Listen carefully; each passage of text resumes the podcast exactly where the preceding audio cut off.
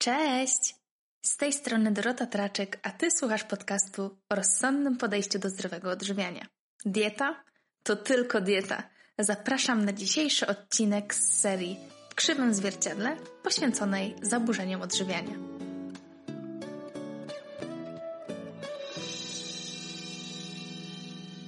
Jednym z powodów, dla których tak dużo mówię o zaburzeniach odżywiania i tak bardzo chcę, aby świadomość dotycząca zaburzeń odżywiania się zwiększyła, e, są konsekwencje i skutki mm, długotrwałych e, zaburzeń odżywiania. Są one bardzo poważne i wydaje mi się, że przez, przez to, jak mało się o tym mówi, zaburzenia odżywiania nie wydają się aż takie straszne. Wydają się chorobą, zaburzeniami, które nie mają negatywnych skutków, takich hmm, poważniejszych, bo dużo się mówi o tym, że przez zaburzenia odżywiania teraz mam na przykład zepsuty metabolizm, co jest w ogóle nieprawdą, ale tak się mówi. Mam cienkie włosy, paznokcie, kiepską skórę. Ale czy to wszystko? Zdecydowanie nie. I dzisiejszy odcinek będzie poświęcony właśnie konsekwencjom wynikającym z zaburzeń odżywiania na różnych polach, zarówno psychologicznym, fizycznym i społecznym.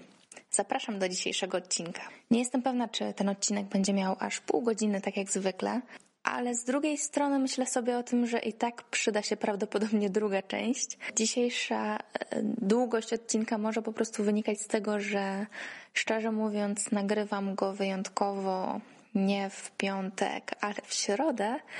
I no najbliższy piątek po prostu wyjeżdżam, więc muszę gdzieś tam wcisnąć to nagrywanie, aby, aby też była ciągłość, tak jak zresztą e, bym bardzo tego chciała. E, ale zacznę od skutków anoreksji. Anoreksji, ale też zaburzeń związanych z restrykcjami e, energetycznymi, pokarmowymi, grup produktów i różnymi tego typu, ale przede wszystkim restrykcjami energetycznymi.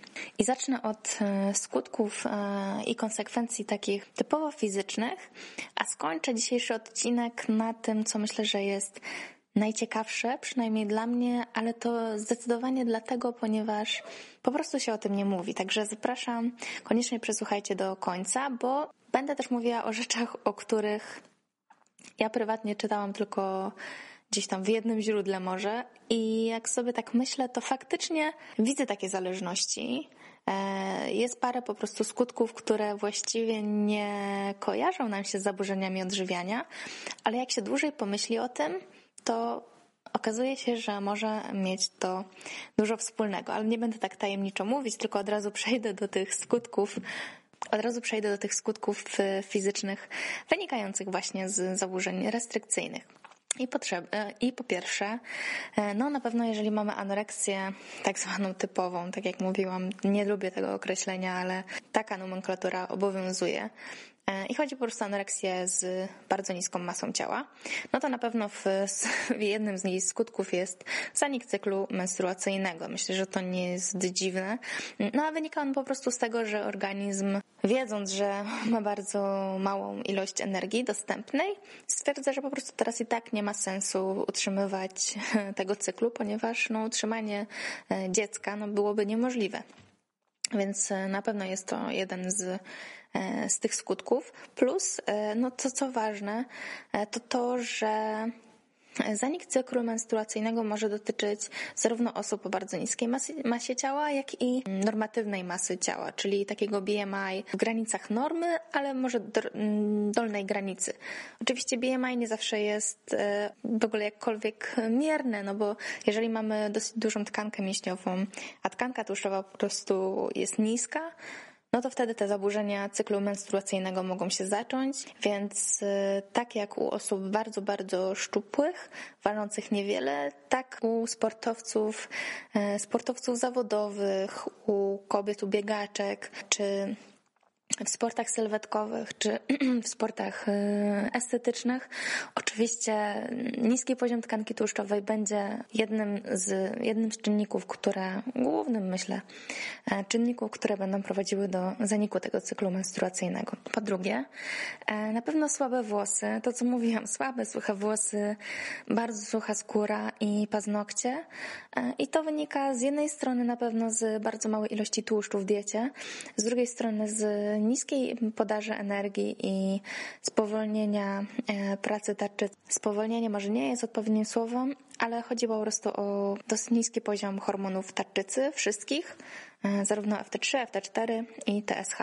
I też e, to, co zauważyłam, no też po prostu spowolnienie e, tych przemian metabolicznych skutkuje często nasiloną suchością skóry i słabością paznokci.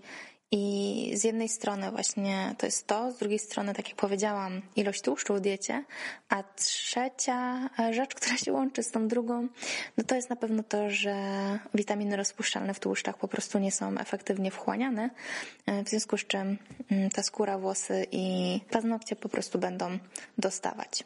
Kolejna rzecz, zaburzenia e, regulacji wodno-mineralnej, czyli gospodarki wodno-mineralnej. E, I tutaj na pewno w anoreksji, założeniach restrykcyjnych odwodnienie, tak samo w bulimii też odwodnienie. Dalej obrzęki i zwiększone ryzyko niewydolności nerek. E, to już w ogóle niewydolność nerek już brzmi dosyć poważnie. Myślę, że się zgodzicie ze mną. I no tak, zdecydowanie. Obrzęki też e, mogą wystąpić w trakcie wychodzenia z zaburzeń odżywiania. I jest to normalne, choć tak naprawdę niewiadoma jest konkretna przyczyna tego, ale bardzo często się to pojawia i to też było opisane bardzo fajnie w książce, która się nazywała hmm, hmm, hmm, Sick Enough. Sick Enough i tam było, mm, oj nie pamiętam podtytułu. E, niemniej jednak Książka jest dostępna na pewno na Storytelu do przesłuchania. Ja ją właśnie w takiej formie przyswoiłam, także polecam serdecznie, jeżeli Was bardziej interesują takie typowo fizjologiczne e, skutki anoreksji, niedożywienia. Mm, bardziej tam jest medyczny sposób to opisane. Myślę, że jeżeli ktoś jest zainteresowany, to z tego mocno skorzysta. Kolejna rzecz, taka bardzo, hmm, bardzo łatwa do zaobserwowania. E, ja się trochę śmieję z tego, ale śmieję w taki sposób, oczywiście nie, że mnie to śmieszy, ale, ale bardzo mm, ciekawa jest zmiana perspektywy, bo zdarza się, że osoby z zaburzeniami restrykcyjnymi też są bardzo aktywne fizycznie i e, kiedy mają bardzo niskie tętno, to e, wiadomo, że w sporcie niskie tętno też może świadczyć o tym, że po prostu jest taka, e, tak umownie się przyjmuje, że niskie tętno, no to mają zawodowi sportowcy, osoby bardzo mocno wytrenowane i oczywiście osoby z anoreksją, bardzo niskie, nienaturalnie niskie tętno, niskie ciśnienie krwi. I to, co mnie tutaj tak jakby bawi, to jest właśnie zmiana tej perspektywy, czyli osoba z zaburzeniami odżywiania, która uprawia dużo sportu, ona może powiedzieć, ja mam takie niskie tętno i niskie ciśnienie krwi, bo jestem sportowcem, jestem po prostu wytrenowany. E, tymczasem jednak no, spowolnienie przemiany materii bardzo mocno wpływa na zmniejszanie tętna i w ogóle zwiększa dodatkowo ryzyko niewydolności e, mięśnia sercowego e, i to ryzyko wzrasta wraz ze spadkiem akcji serca i ciśnienia krwi, także to nie jest coś, czym w ogóle tutaj należy się chwalić, a przeciwnie, należy na to bardzo, bardzo mocno uważać. Dalej, kolejna rzecz to jest zmniejszenie gęstości kośćca, i możliwość wystąpienia osteoporozy. I jest to też związane oczywiście z niedostateczną ilością energii, no, dodatkowo wapnia, witaminy D e, i, i po prostu niedożywieniem. Jest też e, jeden z trzech elementów, które prowadzą do triady, e, triady sportsmenek, a tak jak wiemy, triada sportsmenek też jest związana z niedostateczną ilością energii w diecie. Dalej, Omdlenie, zmęczenie i ogólne osłabienie jest to taki bardziej objaw doraźny, który możemy od razu zobaczyć. Oczywiście doraźny nie znaczy, że nie jest poważny, bo oczywiście jest, e, zwłaszcza, że może on towarzyszyć przez dużą ilość e, czasu mm, i Dodatkowo też to, co może być nie tyle skutką, skutkiem, ale objawem anoreksji, jest wręcz przeciwnie, zwiększenie, jakby nadpobudliwość, zwiększenie ilości energii, takie mm, nie wiadomo skąd ta energia tak jakby jest, bo bardzo mało jemy, a jesteśmy bardzo aktywni. Więc to też może być e, objawem, a skutkiem z kolei mogą być omdlenia, zmęczenie, przemęczenie ogólne, osłabienie organizmu i osłabienie też układu odpornościowego. Z jednej strony może to być to, co mówiłam poprzednio, czyli generalnie niska podatność na choroby, ale później w okresie leczenia, e, w okresie odżywiania organizmu, ta, ten układ odpornościowy może troszeczkę być naruszony tak jakby i dopiero wtedy odpowiednią odpowiedź na, na te czynniki chorobotwórcze mieć, czyli może być wtedy zwiększone, mm, zwiększona zapadalność na jakiekolwiek przeziębienia. Skutkiem anoreksji może być też okresowy hipermetabolizm. To jest to, co mówiłam już w jednym z podcastów, czyli ten metabolizm, który jest bardzo, bardzo, bardzo, bardzo jakby przyspieszony, czyli spłaca ten dług energetyczny, o którym mówiłam. To myślę, że już nie jest, nie jest jakby tutaj nie muszę tego tłumaczyć. E, w każdym razie spożywanie bardzo dużej ilości kalorii wymuszone przez organizm, e, nie powodujące w ogóle przyrostu masy ciała. Kolejna rzecz, też związana trochę z zmniejszeniem gęstości kośćca, ale bardziej w stronę stomatologiczną, czyli e, problemy stomatologiczne, nasilona próchnica, w ogóle po latach nawet mm, i słabe zęby. Jest kolejna rzecz. Jeszcze jedna, zespół jelita drażliwego, czyli wszystkie problemy gastryczne, Mogą być to biegunki, mogą być zaparcia, może być to uczucie przepełnienia, e, mogą być to mieszane biegunki, raz biegunka, raz zaparcie. E, zwykle są to wzdęcia na pewno, mm, ale też e, na przykład alergie pokarmowe. I mogą być to takie jakby mm, wtórne alergie pokarmowe, które po okresie odżywienia zupełnie mijają. Kolejna rzecz już trochę bardziej nietypowa, Myślę, że bardziej ją znają te osoby, które e, miały do czynienia z zaburzeniami odżywiania. To jest taka żółta skóra na dłoniach od strony wewnętrznej. I ta skóra świadczy zwykle o, dużej, o dużym spożyciu karotenu, który jakby nie jest w taki sposób nie do końca e, poprawny, dystrybuowany, e, w sensie takim, że przyjmuje się go olbrzymie ilości przez jedzenie po prostu warzyw, marchewek, e, no bo nie ukrywajmy, że często to właśnie marchewki czy jakieś warzywa kolorowe są tak zwanym zapychaczem w zaburzeniach odżywiania i przez to ta żółta skóra na dłoniach się pojawia. I ktoś mówi, co ty masz brudne ręce, czy co to jest na tych rękach takie żółte? A ty mówisz, no bo ja jem dużo marchewek, nie? I w sumie koniec historii. I tak, no to są takie typowo fizyczne e, skutki anoreksji, ale jest coś, co jest e, skutkiem moim zdaniem najbardziej poważnym i należy go traktować najbardziej serio. Otóż u osób chorych z niedowagą następuje zmniejszenie całkowitej objętości mózgu. Słyszeliście? Objętości mózgu. A to znaczy, że po pierwsze poszerzają się komory boczne, dodatkowo zwiększają się objętości przestrzeni mm, płynowych zewnętrznych, pogłębiają się bruzdy i szczeliny w mózgu, następuje też ubytek istoty e, białej i szarej. E, I przede wszystkim właśnie następuje ten ubytek istoty szarej w mózgu, a istota szara to jest jakby ciało neuronów, tak? Czyli na przykład w muszczku, w podzgórzu w ogóle, w jądrze okoniastym, e, no w całym mózgu można by sobie spojrzeć, e, jak ten mózg jest zbudowany. Wszędzie ta istota szara istnieje i ubytek tej istoty szarej w zaburzeniach odżywiania jest największy. A do czego to prowadzi? No myślę, że to jakby zrobi na nas, na, na was największe pierwsze wrażenie? Otóż myślenie abstrakcyjne, orientacja przestrzenna, nasilone w ogóle ryzyko depresji, problemy z pamięcią i to, co jest moim zdaniem już w ogóle tutaj kluczem wszystkiego, to jest myślenie logiczne. Czyli w momencie, kiedy jesteśmy niedożywieni, to nie myślimy logicznie. I myślę, że nawet jeżeli myślimy, że myślimy logicznie, to możemy myśleć nielogicznie w zaburzeniach odżywiania. I to jest kurczę tak ważne i to tak dużo nam uświadamia na temat tego, dlaczego odżywienie energetyczne jest kluczowe. Bo w momencie, kiedy jesteśmy nieodżywieni, nasz cały mózg się zmniejsza. Mm, dosłownie tak jakby się kurczył, tak jakby zostawał, jakby, jakby był odwodniony. Wyobraźcie sobie, że tak jak orzech włoski, który przypomina nam mózg, tak? W momencie, kiedy jest, staje się stary, już taki odwodniony, no to on się tak zmniejsza, prawda? Te bruzdy też się zwiększają. E, cały, cały orzech się zmniejsza w środku. I to samo dzieje się z naszym mózgiem przy niedożywieniu. I to jest przerażające, ale jest to też prawdziwe i myślę, że sama świadomość tego pomaga nam troszeczkę bardziej świadomie spojrzeć na kwestię odżywienia i odrzucić takie kombinacje w stylu ja mogę wyjść z zaburzeń odżywiania, ale nie muszę przecież aż tak dużo jeść no właśnie trzeba jeść dużo, żeby w ogóle e, zacząć iść w dobrą stronę, w toku. wychodzenia z zaburzeń odżywiania. Także to, to ta kwestia, która ma olbrzymią ilość badań, e, jest niepodważalna i należy na to zwrócić mocną uwagę.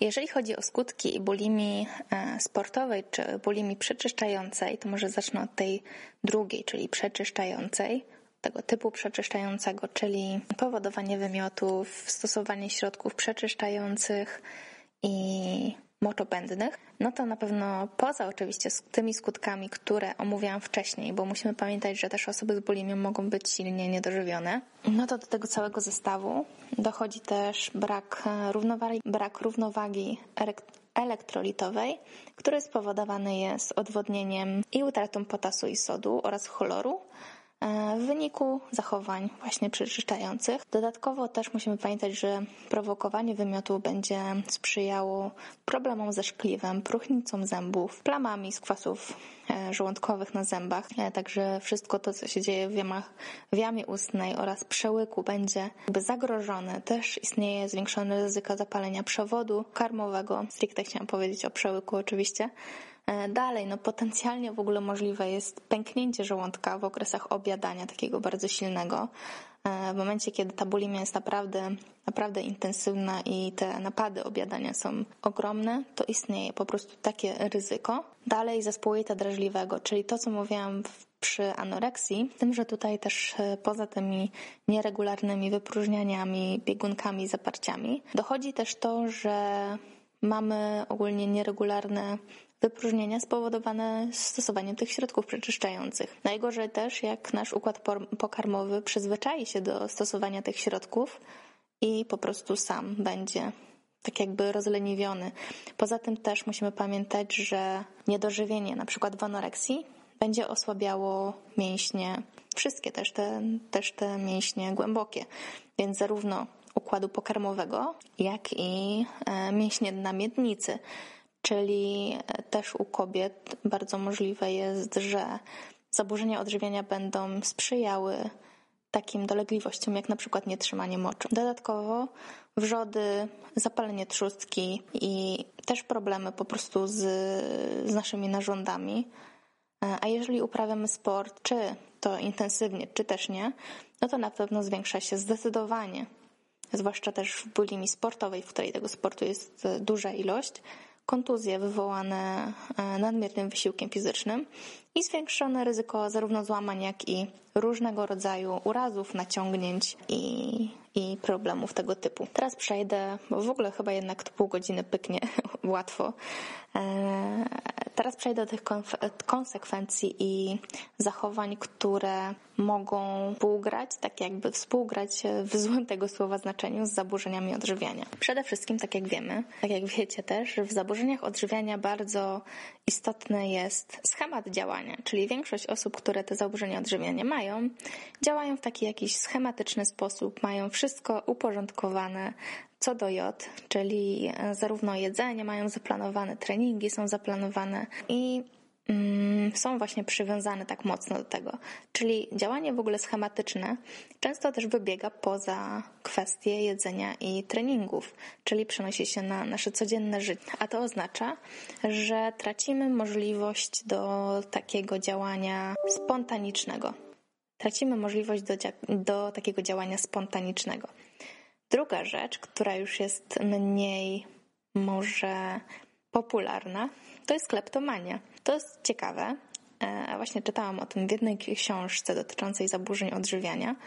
I okazuje się, że część osób z zaburzeniami odżywiania ma skłonności do kleptomanii, ale tylko w momencie, kiedy w tych zaburzeniach odżywiania jest, czyli kiedy jest w deficycie energetycznym. I kleptomania może dotyczyć głównie jedzenia, przede wszystkim jedzenia. I nie polega to na tym, że nie mamy pieniędzy, więc kradniemy coś, żeby coś zjeść, ale mamy te pieniądze, ale na przykład nie chcemy tego, tych pieniędzy tak jakby wydawać na produkty, zwłaszcza zakazane. Więc można czasami sprowadza się to do tego, że po prostu coś tam się podkrada. Nie chodzi o jakieś wielkie, wielkie mm, zbrodnie, że tak powiem, wykroczenia, ale skłonność do kleptomanii przynajmniej parę osób z tego, co było napisane właśnie w książce, którą czytałam, potwierdzało, że właśnie w okresie zaburzeń odżywiania pojawiło się coś takiego u nich i po prostu kradli jedzenie. Nie tylko jedzenie, ale, ale myślę, że to może być związek z tym, co już mówiłam wcześniej, czyli takim, takiemu działaniowi mózgu, tak jest mocno skupiony na jedzeniu, że zaczyna robić takie rzeczy nielogiczne, niepotrzebne zupełnie.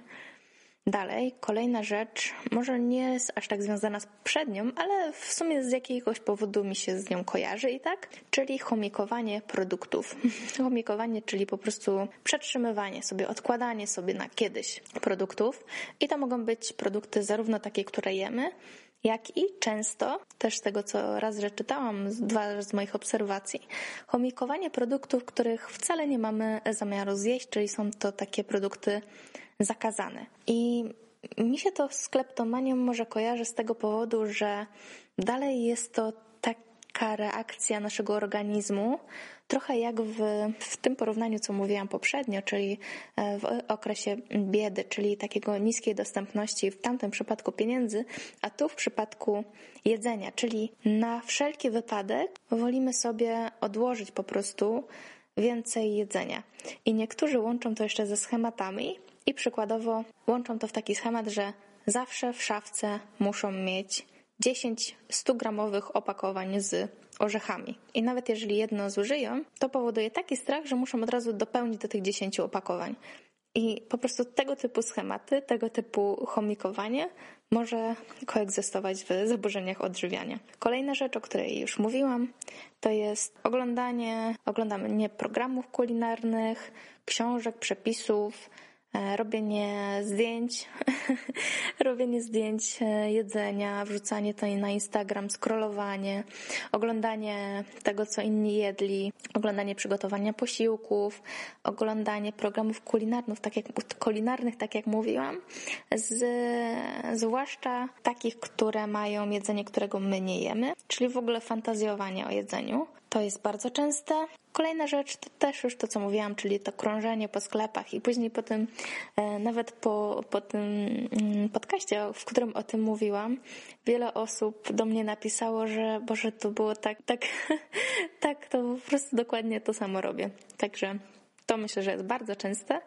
E, ale myślę, że jako konsekwencja i takie zachowania warto, warto wpisać to e, do tej listy. Druga rzecz to druga. Dlaczego druga? Kolejna rzecz e, to jest to, że bardzo często hobby związane jest z jedzeniem i, z, lub, i lub ze sportem, ponieważ no, mózg nasz skupiony jest cały czas na tych akcjach dotyczących zaburzenia zaburzeń odżywiania, czyli właściwie nie wiadomo, kim my jesteśmy, kim my byśmy się, czym my byśmy się interesowali, gdyby nie zaburzenia odżywiania, bo wszystkie inne nasze hobby zainteresowania właściwie znikają, bo sprowadzają się do tych przyczyn naszych, mm, jakby do potrzeb naszych pierwotnych zupełnie, czyli jedzenia i jedzenia. Dalej, kolejna rzecz, brak możliwości skupienia się. I tutaj tylko jeszcze napomnę, że troszkę mi się to ostatnio już zaczęło mówić, że tak powiem, podczas poprzedniego odcinku w Pogaduszkach, bo tam mówiłam, że kiedyś, e, dawno temu nie mogłam oglądać filmów żadnych, bo zasypiałam. Ale też prawdą jest to, że ja nie byłam w stanie się skupić za bardzo na filmie, ponieważ cały czas tak jakby migrowałam, czyli cały czas albo byłam zmęczona, albo byłam zmęczona po tym, że cały dzień coś robiłam, a po drugie mój mózg był bardzo, bardzo rozproszony i bardzo mocno skupiony na rzeczach związanych z jedzeniem. Więc yy, z tym, co ja zjadłam, co ja jutro zjem, co, co ja się ruszałam, czy powinnam się ruszyć, czy ten dzień warto jest zaliczyć do do dobrego dnia, czy to był zły dzień, czy stracony, czy jakikolwiek. Także też brak możliwości skupienia się powoduje, że jest trudność w czytaniu książek, czytaniu artykułów, jakichkolwiek. Brak możliwości skupienia się po prostu na odpoczynku. Jest to duża, duża przeszkoda, więc też warto o tym wiedzieć, jeżeli mamy do czynienia z osobą z zaburzeniami odżywiania, że ona po prostu czasami tak jakby nie jest sobą przez przez to, że te zaburzenia odżywiania ją dotykają. Także jakiekolwiek ocenianie tego, czy ona jest się w stanie skupić, czy nie, no jest właściwie ocenianiem skutków zaburzeń. Kolejna rzecz to jest brak zdrowej perspektywy i to myślę, że śmiało możemy zaliczyć do, do właśnie zmniejszenia istoty szarej w mózgu, wynikiem tego. Także nie muszę tego bardziej rozwijać. Kolejny problem, o którym czytałam i w sumie też wydaje mi się on taki trochę był dla mnie zaskoczeniem, a z drugiej strony jakby skapnęłam się, że faktycznie tak jest. E, to jest problem z wydawaniem pieniędzy na siebie i nadmierna oszczędność. I to już nawet nie dotyczy jedzenia, ale w ogóle ciuchów, jakichś rzeczy. I dalej to jest związane to, co, mm, to z tym samym, co, co chomikowanie, czyli gdzieś tam gromadzenie. To jest taki sposób myślenia taki bardzo ostrożny, czyli żeby za dużo nie wydać, żeby mieć więcej tak oszczędności powiedzmy odłożone e, dalej, żeby tego jedzenia nigdy nam nie zabrakło. Po co mamy wydawać na siebie jakieś tam więcej pieniędzy, jak możemy to gdzieś tam oszczędzić e, dla siebie, tak? I to jest też sposób, e, jakby mózgu wychodzi na to. Może, no oczywiście ja sobie tutaj tak trochę gdybam, ale jeżeli to faktycznie się powtarza u wielu osób, no to związek z tym niedożywieniem musi być i takim myśleniem mózgu, że trzeba oszczędzać, trzeba uważać, trzeba ostrożnie wydawać tak pieniądze i ostrożnie dysponować tym jedzeniem, które jest dostępne. To jest bardzo ciekawe. I ostatnie to jest hardcore. Hardcory e, totalnie niezrozumiane przez osoby, które w życiu nie cierpiały na zaburzenia odżywiania, a okazuje się, że też bardzo często występuje. Dla mnie to był taki mind-blowing, ale faktycznie jest to bardzo ciekawe, a mianowicie dumpster diving, czyli wyjadanie resztek e, jedzenia. I z jednej strony może być to wyjadanie resztek jedzenia po innych, Niekoniecznie ze śmietnika, ale z talerzy, jakieś resztki, zwłaszcza jedzenia, których, którego my sobie sami w życiu byśmy nie kupili, zwłaszcza jedzenia takiego niedostępnego, bo to, że mm, osoby z zaburzeniami odżywiania nienawidzą wyrzucać i marnować jedzenia, to jest oczywiste, bo dla nich to jedzenie jest po prostu tak istotne i no nie wyobrażają sobie po prostu większość, przynajmniej osoby, które ja znam i, i jakby z mojego doświadczenia, to wiadomo, że nienawidzą wyrzucać jedzenia, ale z drugiej strony dojadanie takie potajemne po innych albo wyjadanie komuś czegoś, na przykład z lodówki, też jest, y, jest realnym problemem. Jest to takie zaburzenie, jest to takie, taki objaw, o którym mało kto mówi. Właściwie w jednym źródle też to przeczytałam i wtedy stwierdziłam, że kurde, to ma sens, nie? to ma sens. Także no, są też takie, można powiedzieć, że jest dużo, dużo tych też objawów, które są bardzo, bardzo, bardzo wstydliwe, o których ciężko, mm, jakby ciężko byłoby komukolwiek się przyznać, że coś takiego się robi. E, no, są jakby społecznie nieakceptowalne, tak, te zachowania, a mogą wynikać po prostu i aż z niedożywienia. I myślę, że też te wszystkie konsekwencje, o których mówiłam, śmiało, śmiało możemy przyznać, że są to poważne zmiany w mózgu, które powodują poważne skutki zdrowotne i nie tylko te śmieszne, dziwne, wstydliwe zachowania, ale właśnie zmiany funkcjonowania naszego całego organizmu. Także no, powiem Wam, że to jest hardkorek, to wszystko. I cóż, na dzisiaj to tyle. Pozdrawiam Was serdecznie z bazy i do usłyszenia za tydzień, ponieważ w tym tygodniu najpewniej pogaduszek uszek nie będzie, ale jeżeli nie słuchaliście poprzednich, to serdecznie zapraszam i życzę Wam miłego dnia. Jeżeli jedziecie do pracy, to miłej pracy. Jeżeli jedziecie na uczelnię, to miłej uczelni. Pamiętajcie, aby zrobić dla siebie coś dzisiaj dobrego i miłego dnia. Pa! Dziękuję za wysłuchanie kolejnego odcinka podcastu To Tylko Dieta. Mam nadzieję, że znalazłeś w nim coś dla siebie. Jeśli tak, będzie mi miło, jeżeli podzielisz się nim ze znajomymi. Informacje i linki do audycji znajdziesz w opisie odcinka. Jeśli masz pytania, po prostu napisz podcast małpa dietamyślniksportowca.pl Życzę Ci wspaniałego dnia i do usłyszenia. Pa!